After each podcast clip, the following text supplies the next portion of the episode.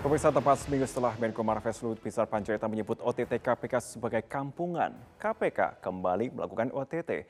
Dan kali ini yang terjaring adalah Kepala Basarnas Marsikal Madia Henry Alfiandi beserta sejumlah orang lainnya. Dengan OTT ini, apakah KPK ingin meledek Luhut?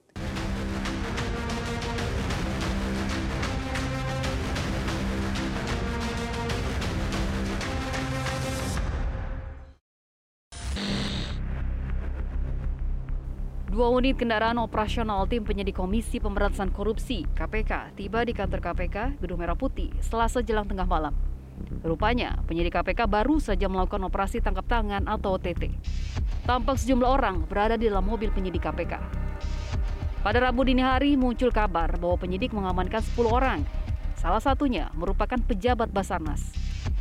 Metro TV berhasil mendapatkan gambar saat keempat dari 10 orang yang terjaring OTT terlihat di lantai dua ruang pemeriksaan. Dari empat orang yang terlihat, tiga di antaranya wanita.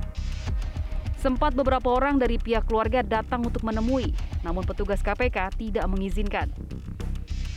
OTT sendiri dilakukan pada Selasa siang di Jakarta dan Bekasi, Jawa Barat. Usai melakukan OTT, rombongan penyidik KPK tiba di kantor KPK sekitar pukul 15 lebih 45 menit Selasa petang dan sekitar pukul 22 lebih 35 waktu Indonesia Barat Selasa malam, giliran rombongan tim penyidik tiba di gedung KPK menumpang dua unit kendaraan operasional.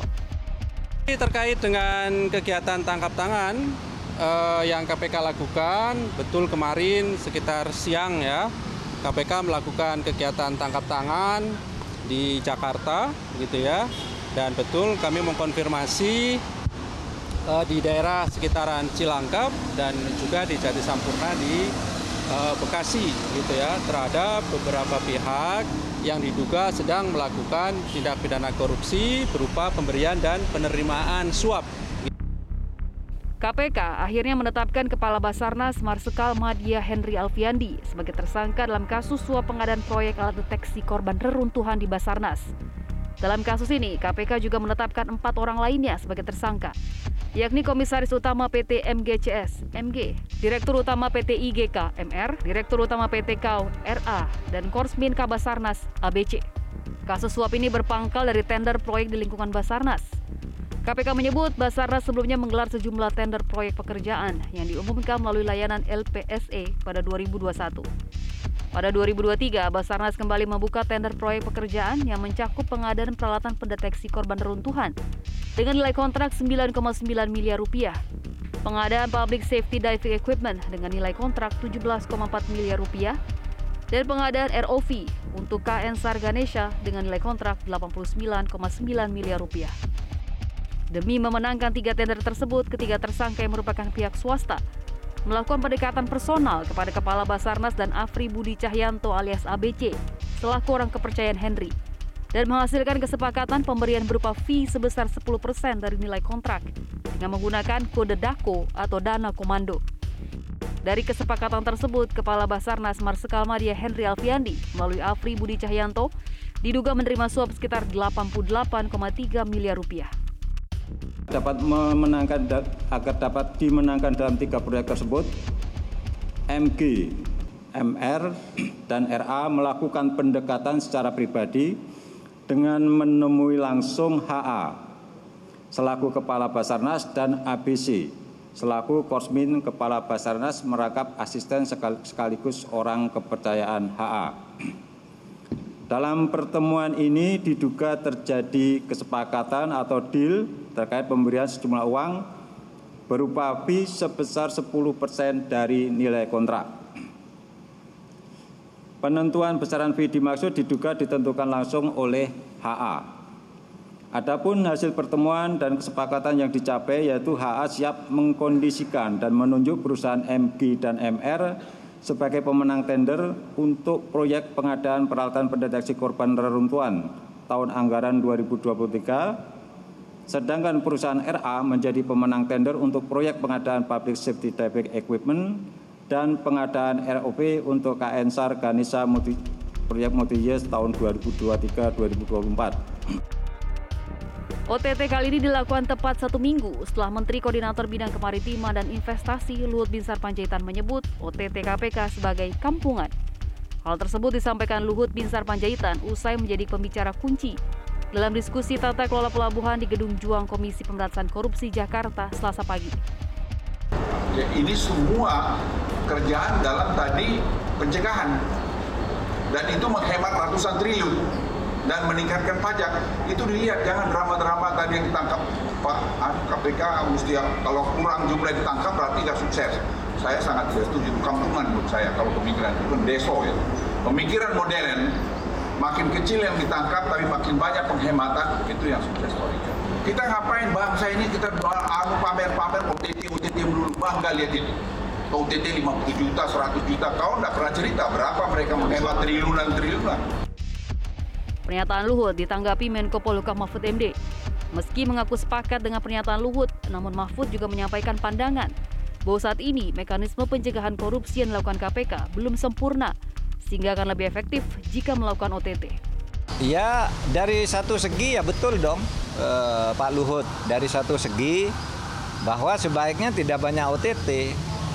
Caranya apa? Cegah agar tidak terjadi korupsi. Itu artinya digitalisasi yang lebih bagus di pemerintah. Kan sudah benar logikanya Pak Luhut. Tapi logika konkretnya OTT tidak bisa dilarang karena masih terjadi sebelum proses atau mekanisme pencegahan itu berjalan sempurna kan gitu aja. Tidak ada yang bertentangan bagus. Untuk jangka panjang jangan pamer-pamer OTT kita cegah dari awal. Tapi sekarang karena belum bisa dicegah jadi OTT aja malah kalau saya lebih uh, bagus gitu. Biar tampak bahwa negara hadir di situ. Sementara itu Indonesia Corruption Watch ICW meminta Luhut Panjaitan tidak alergi OTT. Sebab OTT merupakan salah satu strategi pemberantasan korupsi yang dimandatkan dalam undang-undang. Sedangkan publikasi terhadap tersangka yang terjerat OTT, menurut ICW, jangan dimaknai sebagai pamer, tapi sebagai wujud akuntabilitas penyidik dalam melakukan OTT. Eh, Pak Luhut tidak uh, perlu terlalu alergi ya terhadap uh, operasi tangkap tangan karena operasi tangkap tangan itu kan bagian dari uh, strategi uh, penindakan saja dan itu sebenarnya juga uh, dimandatkan oleh undang-undang. Kalaupun kemudian uh, ada publikasi terhadap hasil OTT, uh, publikasi terhadap uh, para tersangka yang terjerat dalam OTT itu sebenarnya bukan pamer-pamer, seharusnya dimaknai sebagai wujud akuntabilitas uh, penyidik uh, terhadap kinerja mereka dalam melakukan OTT. Karena kalau kemudian ditutup-tutupi, justru nanti publik akan bertanya-tanya, jangan-jangan ini ada upaya untuk menutup-nutupi, jangan-jangan ini ada upaya untuk menghilangkan dari barang bukti yang diperoleh oleh penyidik. Meski di depan Ketua KPK Fili Bahuri, Menko Marves Lut Panjaitan menyebut OTT KPK sebagai kampungan, namun KPK terus melakukan penindakan dengan OTT. Lembaga anti rasuah itu seperti ingin bilang bahwa KPK tidak mau diintervensi Luhut dan tahu yang seharusnya dilakukan dalam pemberantasan korupsi. Usai disemayamkan di rumah duka Komplek BTN Telkom Desa Paal, Kecamatan Nangapinoh, Kabupaten Belawi, jenazah Bribda Ignatius Dwi Frisco Sirage yang ditembak rekannya dimakamkan di pemakaman umum setempat secara militer. Pihak keluarga kecewa dengan informasi yang disampaikan Mabes Polri terkait penyebab kematian korban dan meminta untuk mengungkap secara serius.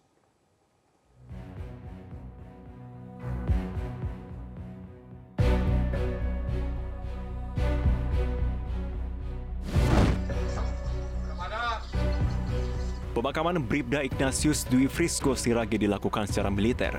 Ratusan warga dan kerabat turut menghantarkan jenazah korban ke tempat peristirahatan terakhir di pemakaman keluarga yang tidak jauh dari rumah duka. Di Jalan Pendidikan BTN Telkom, Desa Pal, Kecamatan Nangapinoh, Kabupaten Melawi, Kalimantan Barat. Almarhum Bribda Riko diduga ditembak oleh rekannya sesama anggota Detasemen Khusus 88 Anti Teror Mabes Polri di Rusun Polri Cikas, Kabupaten Bogor. Awalnya pada hari Minggu, keluarga diberi informasi bahwa keluarga sakit dan diminta untuk ke Jakarta. Namun, keluarga justru mendapati korban telah tewas. Pihak keluarga mengutuk keras dan sangat kecewa atas simpang siurnya informasi yang beredar terkait kematian anaknya. Pihak keluarga meminta kejelasan dan memproses para pelaku seadil-adilnya.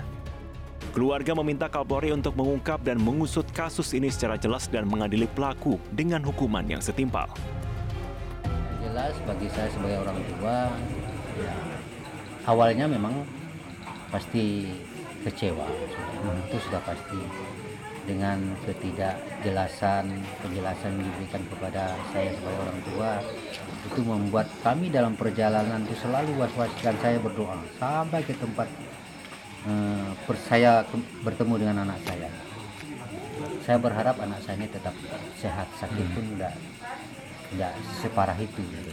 Apa nih Tadinya tuntutan keluarga nih ya pelaku? ketika proses hukum berlaku kami minta supaya pelaku-pelaku ini minta diproses secara hukum lah supaya terang benderang kasus.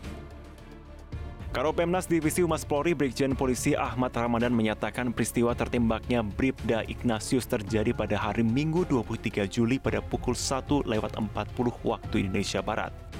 Peristiwa yang menewaskan Bribda Ignatius disebabkan oleh kelalaian kedua rekannya, Bribda IMS dan Bribka IG. Keduanya pun telah ditetapkan sebagai tersangka. Sebelumnya beredar kabar bahwa sempat terjadi cekcok antara pelaku dan korban sebelum terjadinya penembakan. Namun hal ini ditepis oleh pihak kepolisian. Menurut juru bicara anti teror Polri, Kombes Pol Aswin Siregar, Bribda Ignatius tertembak saat Bribda IMS mengeluarkan senjata dari tas dan kemudian meletus hingga mengenai Bribda Ignatius.